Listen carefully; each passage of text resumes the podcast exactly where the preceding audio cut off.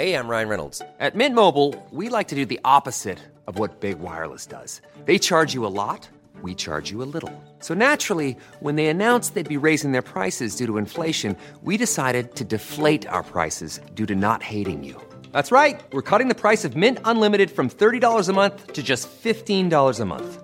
Give it a try at mintmobile.com slash switch. $45 upfront for three months plus taxes and fees. Promo rate for new customers for limited time. Unlimited more than 40 gigabytes per month. Slows. Full terms at mintmobile.com.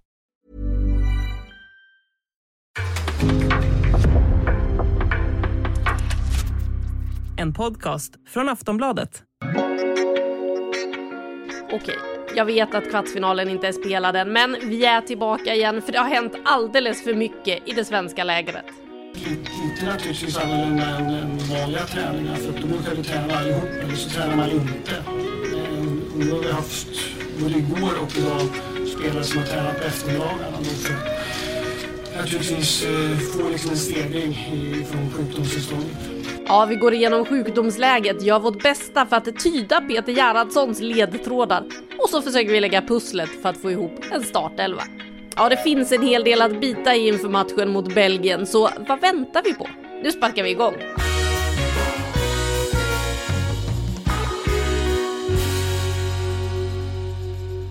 Jag sa ju att vi kanske inte skulle prata mer inför Sveriges kvartsfinal mot Belgien. Vi gick ju igenom det i förra poddavsnittet men det har ju hänt så otroligt mycket sen dess.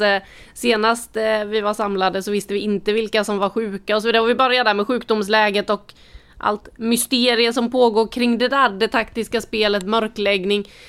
Ja, Sverige har visat en ny sida nu när man kliver in i kvartsfinalerna. Man har ju då sagt att eh, det är Emma Kullberg och Hanna Glas som har testat positivt för covid-19. Även PCR-testerna var positiva. Men på dagens träning så saknades även Jonna Andersson. Här vill man inte säga om det är som så att Jonna Andersson har testat positivt för covid-19 eller inte. Man vill inte ge sina motståndare några som helst fördelar, förklarade först presschef Fredrik Madestam, sen förbundskapten Peter Gerhardsson. med mig för får analysera en presskonferens som vi skulle kunna analysera typ hela natten, har jag Frida Fagerlund och Petra Thorén. Frida, hur mycket har du tänkt på allt som har sagts? Nej men min hjärna kokar ju över av sånt här. Jag klarar ju inte av att, att inte veta saker och, och Peter är ju en sån som gärna vill liksom lägga ut små ledtrådar genom hela presskonferensen och liksom testa ens hjärnkapacitet. Så att nu har jag ju suttit och vridit och vänt på exakt allting han har sagt och jag har tittat igenom gamla matcher och jag har kollat heatmaps och jag vet inte om jag är så mycket klokare men kanske, kanske ändå att man, att man har någon någon förståelse ändå för vad han var ute efter. Eller vi tror oss i alla fall ha läst in vissa saker men det kan lika gärna vara, vara helt fel, det inser jag också. Han gillar ju att leda oss helt fel. Det har man ju lärt sig de här senaste fem åren eller vad det är. Ja, han var väldigt lurig på dagens presskonferens att efter att ha öppnat den här turneringen med att på den eh, första presskonferensen avslöja att Stina Blackstenius inte kommer starta så var det inga sådana avslöjanden idag utan snarare en massa små ledtrådar som vi givetvis ska analysera. Vi ska gå igenom hur vi tror att startelvan ser ut och sådär. Men eh, sjukdomsläget då Petra du är van med team börjar skratta direkt men det var ju också du som var på plats på Karin Park idag tillsammans med mig och eh, vår fotograf Pontus Orre när eh, Sverige började den här mörkläggningen eh, och inte vill berätta då hur det är med Jonna Andersson. Vi såg ju också spelarna sen ute och vandrade. Det är ju så att de får vara ute och gå så länge de håller avstånd. Kan du avgöra om Jonna Andersson har hon covid? Kan du säga det? Bara, jag åkte förbi henne, hon stod och hängde i en utomhustrappa eh, pratandes med, med Hanna Glas och, och, och psykologen. Eh, vad vi vet eh, lite grann det är att faktiskt att Rasmus då, så, Liljeblad, landslagets eh, mentala coach eller idrottspsykologiska rådgivare har faktiskt varit eh, den, eh, som någon som har haft eh, en, en rejäl släng. Så att eh, det är bra att det drabbar honom. Jag tänker att han har redskapen för att hantera hur han ska inte bli för ledsen och sådär utan snabbt komma tillbaka mentalt. Och han ska ju dessutom inte spela. Men mm, nej, det är svårt att veta. Eh, men vi får ge en liten känga till mediekåren som igår när Eh, det stod klart att, att eh, Jonna och eh, då, det var ju två spelare till, Jennifer Falk och eh, Hanna Bennison eh, saknades även igår. Då, då sa ju faktiskt läkaren Mats Börjesson att ja, men de hade testats, eh, tagit snabbtester. Men ingen av oss ställde fullfrågan om det fanns ett positivt svar. För att snabbtesterna visste de ju redan då. Ehm, så det är lite svårt att veta. Jag kan faktiskt inte avgöra det. Det var ju en med lite mer symptom så att... Eh, men eftersom hon inte var med idag och eftersom hon också varit isolerad så låter det ju som att eh, hon ändå eh, ska ha eh, testats positivt. Men, men med det sagt, det, det, det, vet vi inte. Vad vi vet är att de har tränat i hemlighet när vi är, eh, åkt därifrån. Eh, de tränade både igår och idag. Eh, och jag vet att Hanna Glas har varit i ganska bra träning. Så att hon har nog inte tappat så mycket. Eh, även om hon har varit då testat positivt. Men man behöver inte ha så mycket symptom. Så att, eh, det är lurigt. Vi kommer inte få veta förrän eh, imorgon eftermiddag, eh, imorgon kväll före match eh, exakt hur läget är.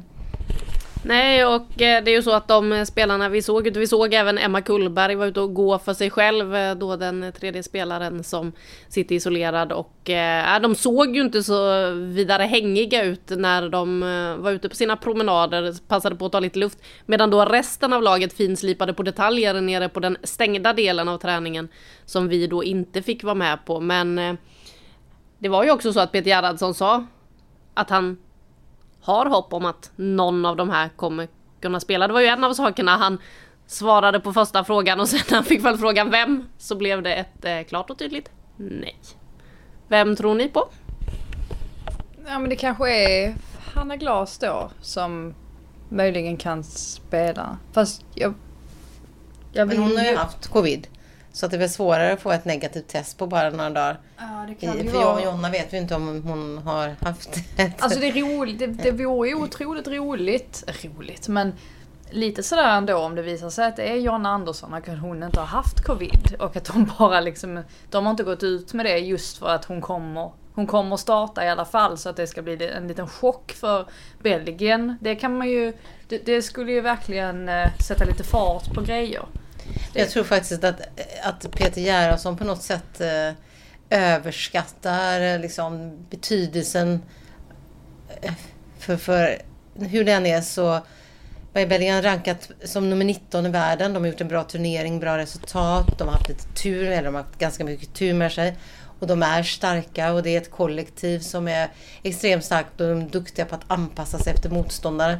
Men jag tänker att eh, han bryr sig lite väl mycket om att uh, mörka detaljer. Uh, de ska liksom inte behöva det. De skulle kunna flyga lite över det tycker jag, Sverige. Jag tycker att det är lite väl nojigt kring, uh, kring vad som läcker ut och inte läcker ut faktiskt. Vilka? Nu, kolla nu får hon sådär i ögonbrynen. Hon tänker att hon håller inte med mig riktigt. Oj, nej! Det... Eller hur gjorde du? Höll du med mig nu?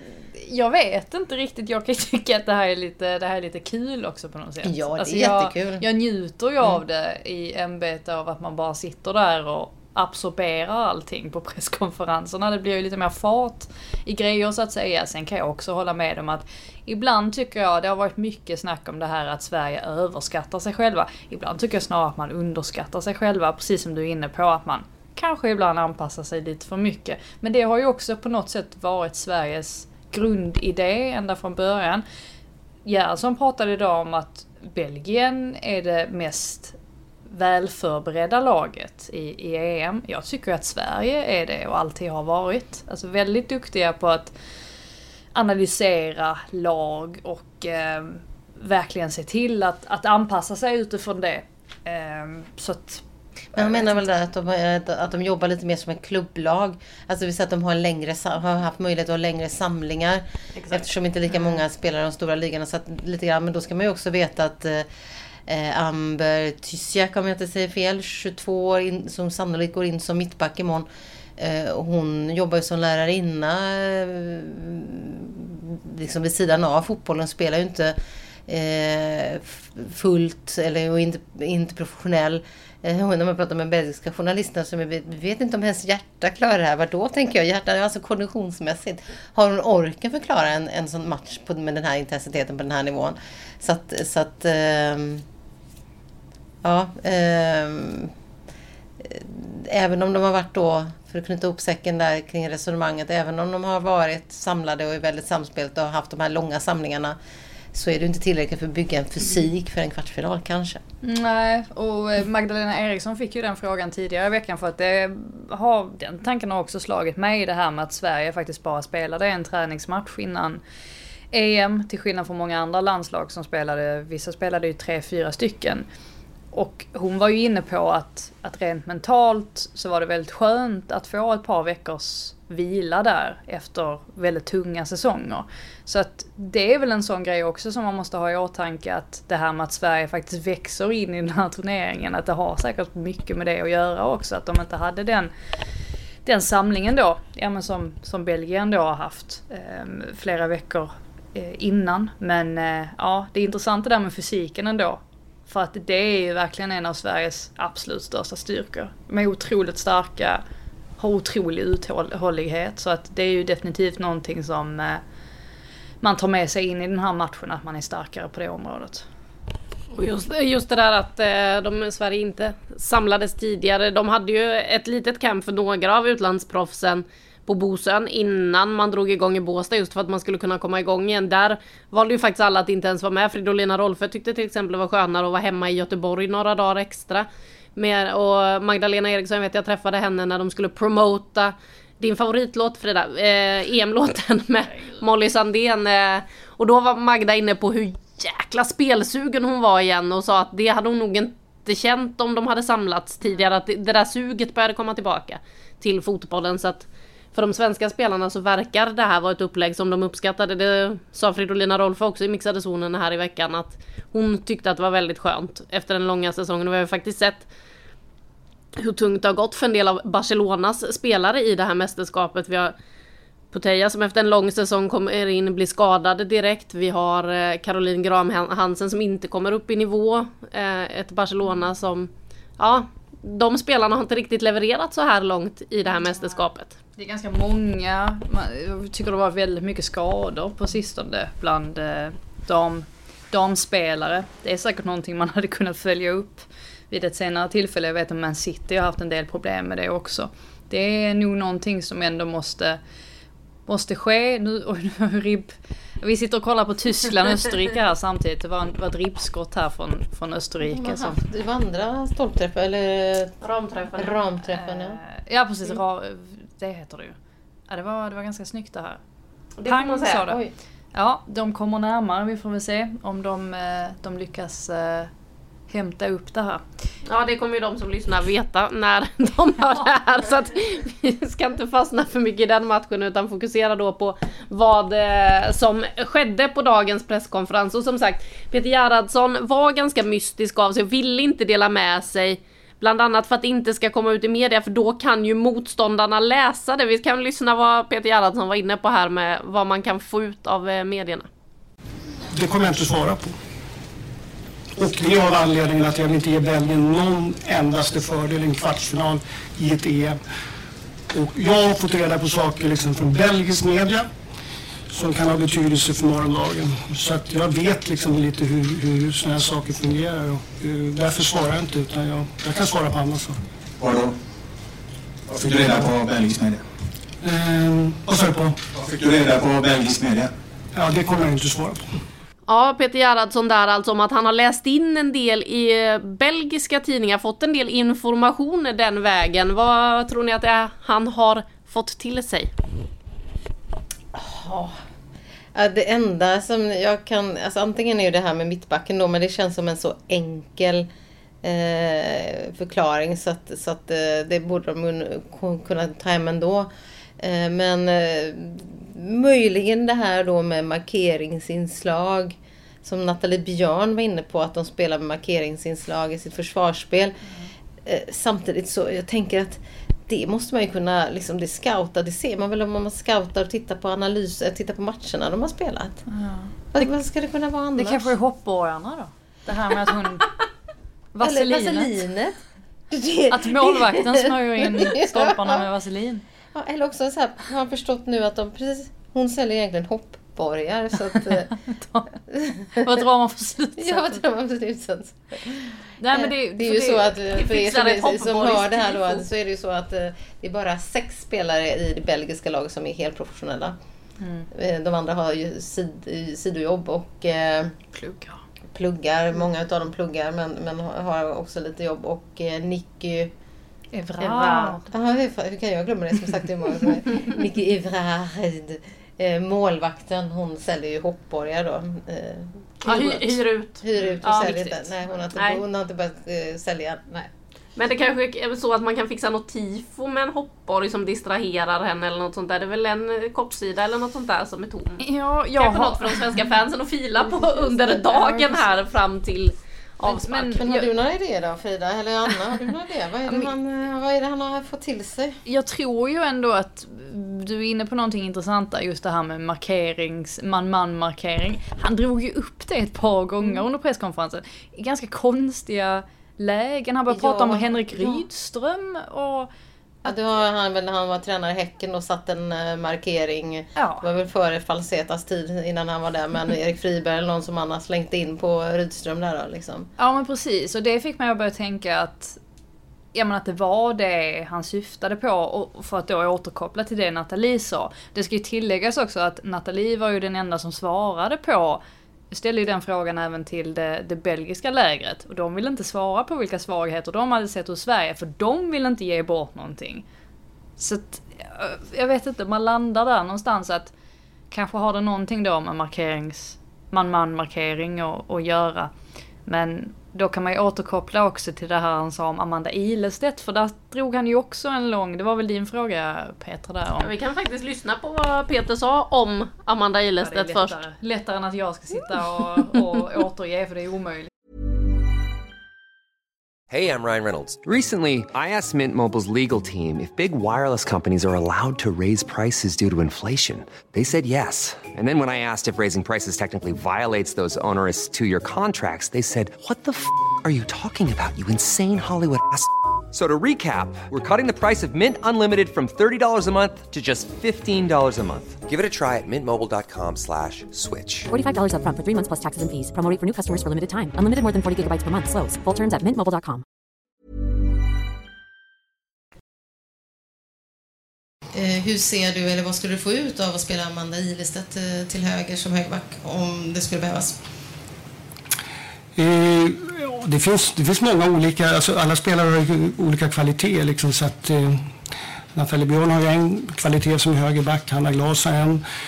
Eh, mm, Amanda Ilestedt eh, har spelat i en sån position och bland annat så skulle man kunna få någonting när det gäller inspel och grejer. Och, det var intressant med Amanda Ilestedt så att vi när du nämner, jag kan berätta om en annan formation när vi spelade med eh, tre innebackar. När hon spelade i Potsdam så var jag titta och då, då föddes egentligen idén som när vi hade mot Georgien. Och det var att man som bortre inneback kan verkligen gå med. Så när hon spelade i Potsdam som höger inneback i en trebacklinje så gick hon nästan varje gång upp, framförallt på inspel från vänstersidan. Och var väldigt bra liksom, i, i det huvudspelet, och allting sånt. Eh, och det kan man göra oavsett om man spelar inneback eller, men det, det är mer naturligt om man ska spela tre innebackar och spela till höger när man spelar med två innebackar. För att spela med två innebackar och höger inneback far iväg liksom mitt i, det är inte så vanligt. Så att jag har också en gräns liksom när det gäller fläkt, eller kreativitet hos spelare och för, vad man kan styra. Men, så man får det, oavsett om, det är tre eller om det är en fyr, fyrbacklinje så får man ett väldigt bra huvudspel ifrån det där. Och sen finns det en annan sak också, men det tänker jag inte berätta. Mm. Nej. Men det, det, vi kanske ser det, om hon spelar så kanske ni ser det och då kommer du tänka på, där var nog den han pratade om där som han inte sa. Ja, Gerhardsson och Milestedt här alltså. Slutsatserna Frida? Slutsatsen är väl egentligen att eh, Amanda Ilestedt är nyttig både i en trebacks och... Oh! Stolpen igen för Österrike. Kommer närmare. Eh, slutsatsen är väl att Amanda Ilestedt är nyttig att ha både i en trebackslinje och i en fyrbackslinje. Och så tog han ju det här exemplet då när eh, Ilestedt spelade i Potsdam och det här med överlappande, överlappande mittbackar och tog ju upp ännu en gång hur otroligt stark Ilestedt är i luftrummet. Och eh, det vet vi ju sedan tidigare att det är hennes absoluta styrka egentligen. Men jag började tänka lite eller titta lite närmare på Belgien. Man har inte alltid haft chans att se hela matcher. Belgien är faktiskt ett sånt lag där, där jag tyvärr inte har kunnat se många matcher. Eller många av deras matcher. Och det är ju ganska intressant med en av deras stora stjärnor där. Som jag säger, Schuller? Schuller? Ja. Hon är, hon är en väldigt intressant spelare för att hon utgår egentligen alltså, centralt är högerfotad men drar sig väldigt, väldigt mycket ut till vänster enligt olika heatmaps då när man, när man kikar. Mot Italien var det inte lika sådär, där höll hon sig ändå ganska centralt men har helt enkelt en tendens att driva ut där. Vilket gör att hon gärna länkar upp med Tine de Chagny som ju var den spelaren som Olivia Skog inte visste om att hon hade gjort flest mål i, i kvalspelet och det är mycket tack vare Schuller så att hon är, hon är väldigt viktig för att det belgiska anfallsspelet ska fungera. Så jag tänker mig väl lite att Sverige kikar på att stänga ner henne helt. För jag tror att stänger man ner henne, då skär man ju på något sätt bort också den här länken till de Kangni. Så att det kan på något sätt vara nyckeln där. Och då finns ju faktiskt Ilestedt liksom på den på den flanken troligtvis. Huruvida det nu blir en trebackslinje eller en fyrbackslinje. Jag tror att det blir en fyrbackslinje. Men vi vet ju också att de är väldigt flexibla, Sverige. Även när de säger att, ja men vi spelar ett eller vi, vi säger ju ofta att de spelar ett 4-3-3. Men det är ju, spelar de eh, eh, när det är defensivt när de inte har bollen. Då ställer de ju ofta upp som ett 4-4-2 med Kosse som trycker upp. Vilket gör då att Rolfö faller ner lite. Och det är, jag tror det är det som gör också att vi känner ibland att Rolfö inte riktigt kommer med i anfallsspelet. Just för att hon faller ner ganska mycket där. Så att jag, jag eh, förstår lite grann också när Peter Gerhardsson när han börjar prata om det här att Sverige spelar inte på ett sätt eller två sätt, vi spelar på tre eller fyra. Det är väl antagligen det han menar.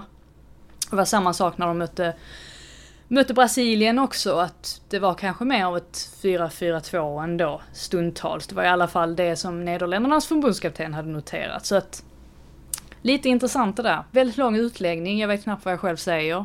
Men eh, det är mycket, mycket tankar Vi eh, summerar detta med att eh, Amanda Ilestedt eh, sannolikt spelar till höger, troligen, mm. i en fyrbackslinje. Ja, det är väl vår slutsats efter att ha sett eh, träningarna också och eh, försöker tolka Peter Gerhardssons svar då.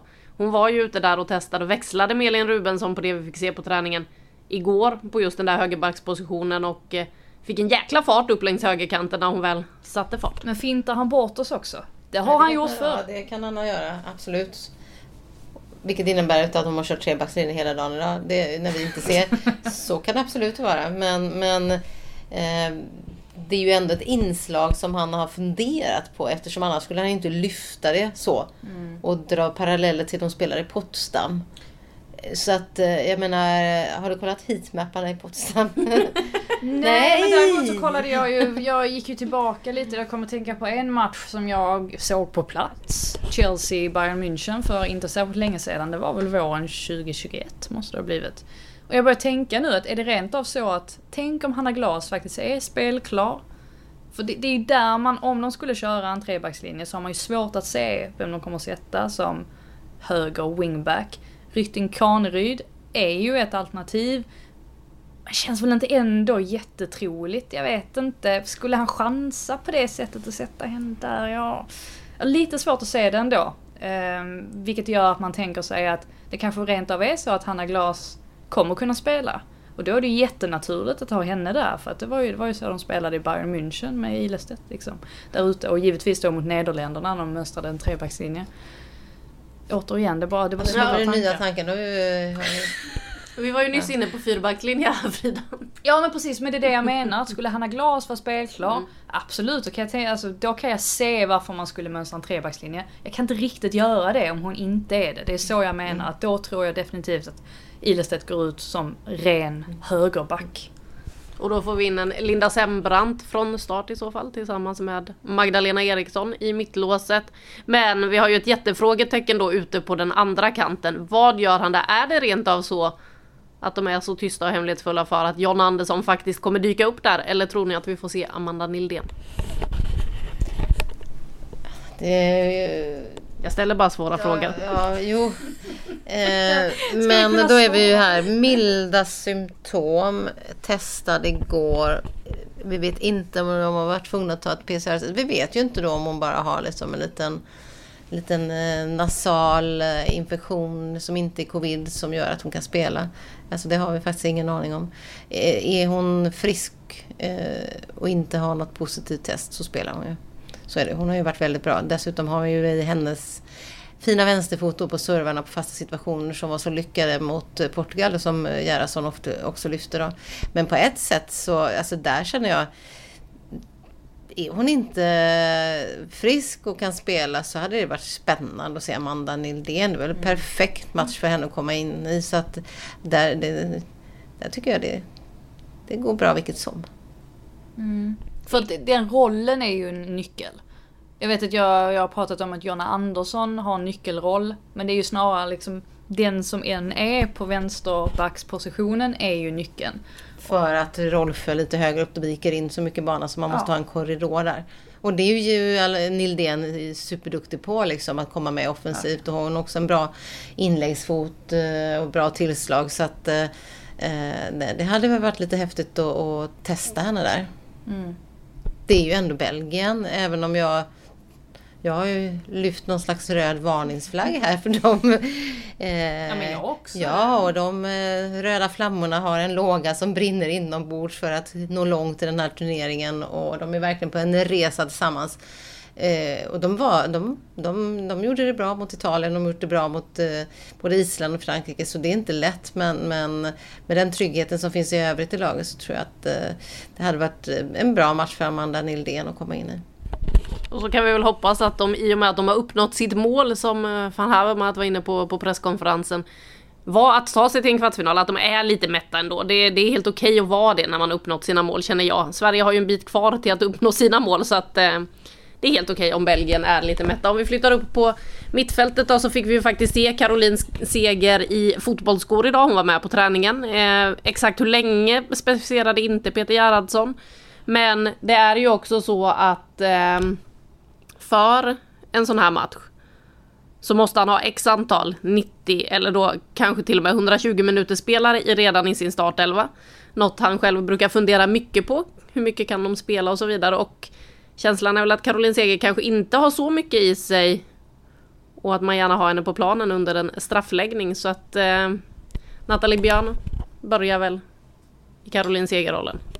Ja, men då börjar jag tänka, vill man inte ha Nathalie Björn i en straffläggning? Men då kan man ju tänka att om man behöver byta ut Linda Sembrant så flyttar man in Amanda Ilestedt och då flyttar man in Nathalie Björn som högerback. Ja, Eller precis. ner med Nathalie Björn som är mittback. ja. ja. Eh, nej men absolut. Och eh, vi kan väl slå fast att Nathalie Björn kommer starta. Även om hon själv inte vill göra det när du försökt få ur henne det Petra. det är ju väldigt sällan som den som är med på presskonferensen dagen innan match inte startar. Nej, det, det, de utsätter dem inte för det. Det är Nej. lite förnedrande i så fall. Så att, eh, och med den kärleksförklaringen, kanske var starka ord, den hyllningen som Peter Gerhardsson hade till Nathalie Björn som spelar på plan. Hon, han känner sig trygg när hon är på plan.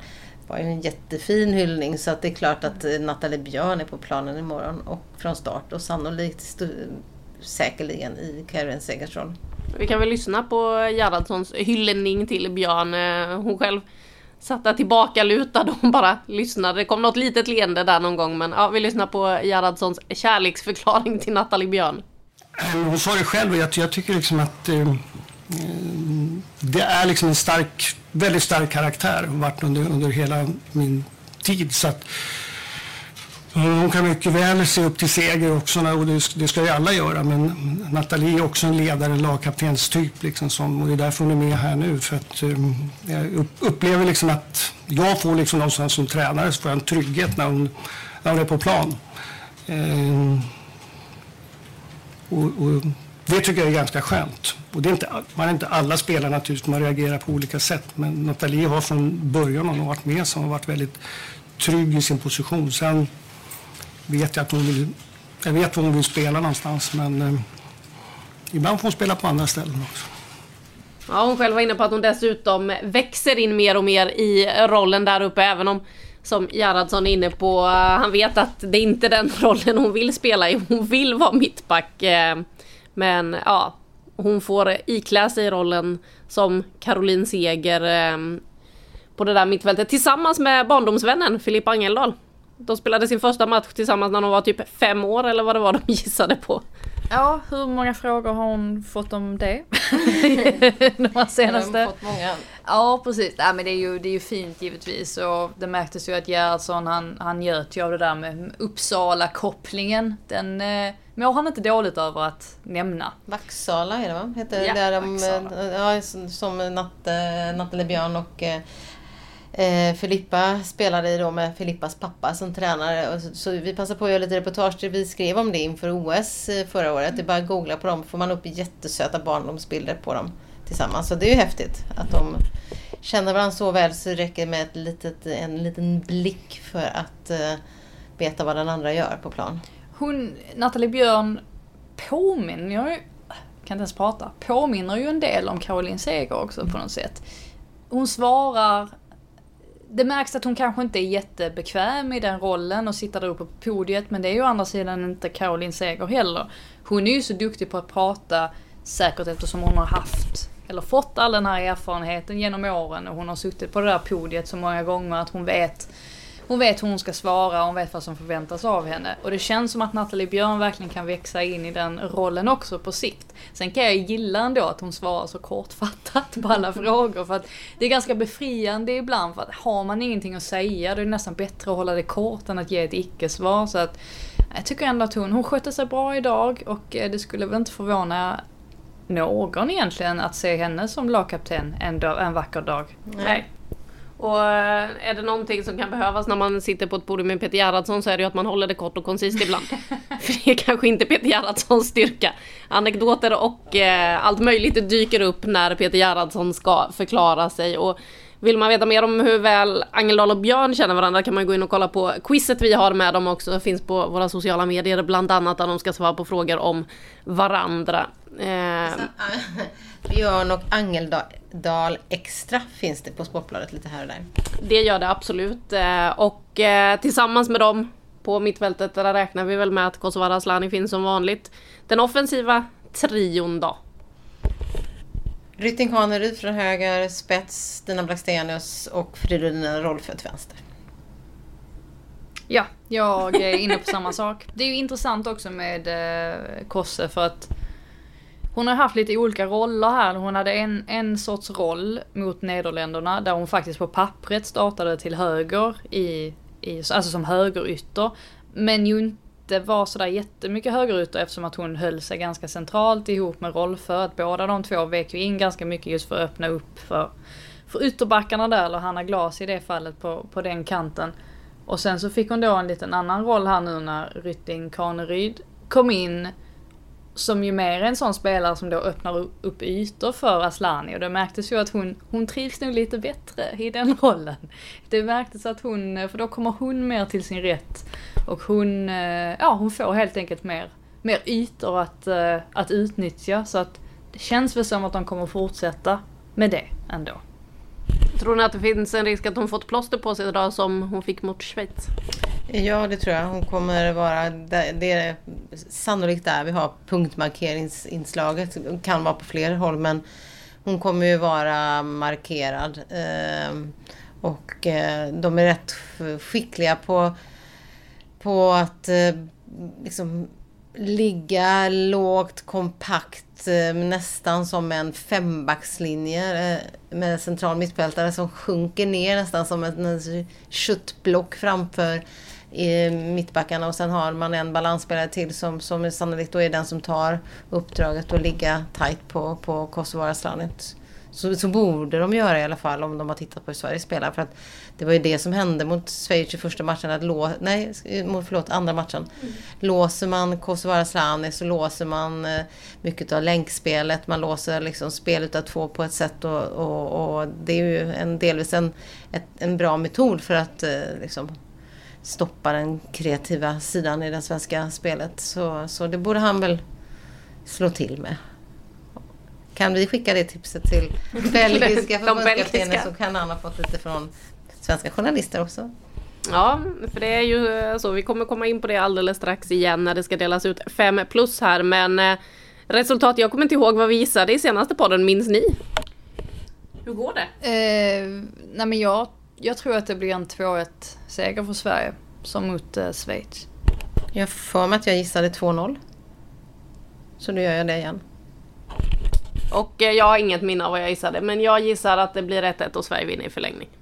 Ja, jag tror du gissade 3-1 senare. Ja, säkert. Jag har tydligen blivit mer pessimistisk Jaha, helt plötsligt. Uh-oh, jag brukar ju vara den optimistiska av oss. Det finns Ja, ja. ju ändå en del covid-grejer att skylla på i det fallet ju. Ja. Det har ju hänt en del. Det har ju det och eh, just att backlinjen är ganska utsatt. Att man skulle lyckas få sjukdomarna på samma position. De två positiva covidfallen. Det är ju typ höjden av otur. Att det är båda de två ytterbackarna på högerkanten. Och sen dessutom John Andersson sjuk. Ja nej, det är stökigt. Men eh, Sverige tar sig vidare, det tror jag också. Och eh, vi ska dela ut fem plus. Och det kommer till översättningen. Det måste vara översättningen som får fem plus idag. När Peter Gerhardsson får frågan då hur många plusabonnemang han har. Det är skönt att man benämner det så också, plusabonnemang på... Det är bara på Aftonbladet man har det va? Mm. Tack, tack eh, SVT Milad. Ja. Eh, då på utländska tidningar får kunna ta till sig information om sina motståndare och Peter Gerhardsson säger att han bara har ankat. Och lite Och, andra eh, musiktidningar. Ja, och, lite, eh, och är musikintresserad liksom. Med det då på den engelska översättningen blir att han har en katt och musikintresse. Det måste vara förbryllande i det belgiska läget och, och, och liksom så här fundera på eh, vad Gerhardsson ska göra med den här katten. För, Kommer ni ihåg? Jag, jag tänker så här på Blåvitt, de hade ju sådana här spelmodeller som hette Glassen och Hunden och Katten. Det, är- det, man vet inte, det kan spinna iväg långt. Ja, nej jag vet. Det är så kul också när man sitter och...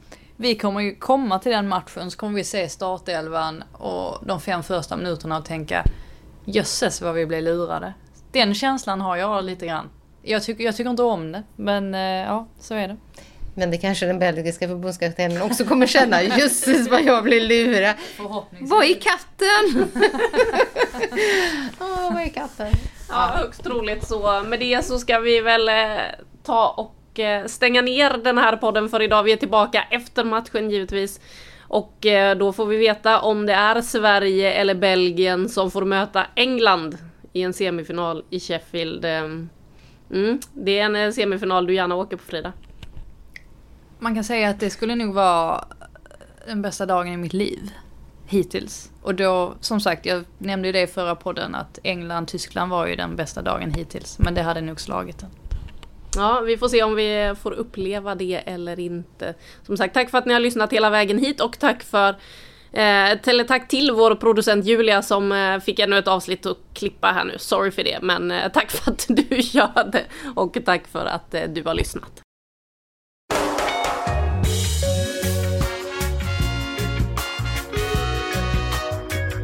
Du har lyssnat på en podcast från Aftonbladet.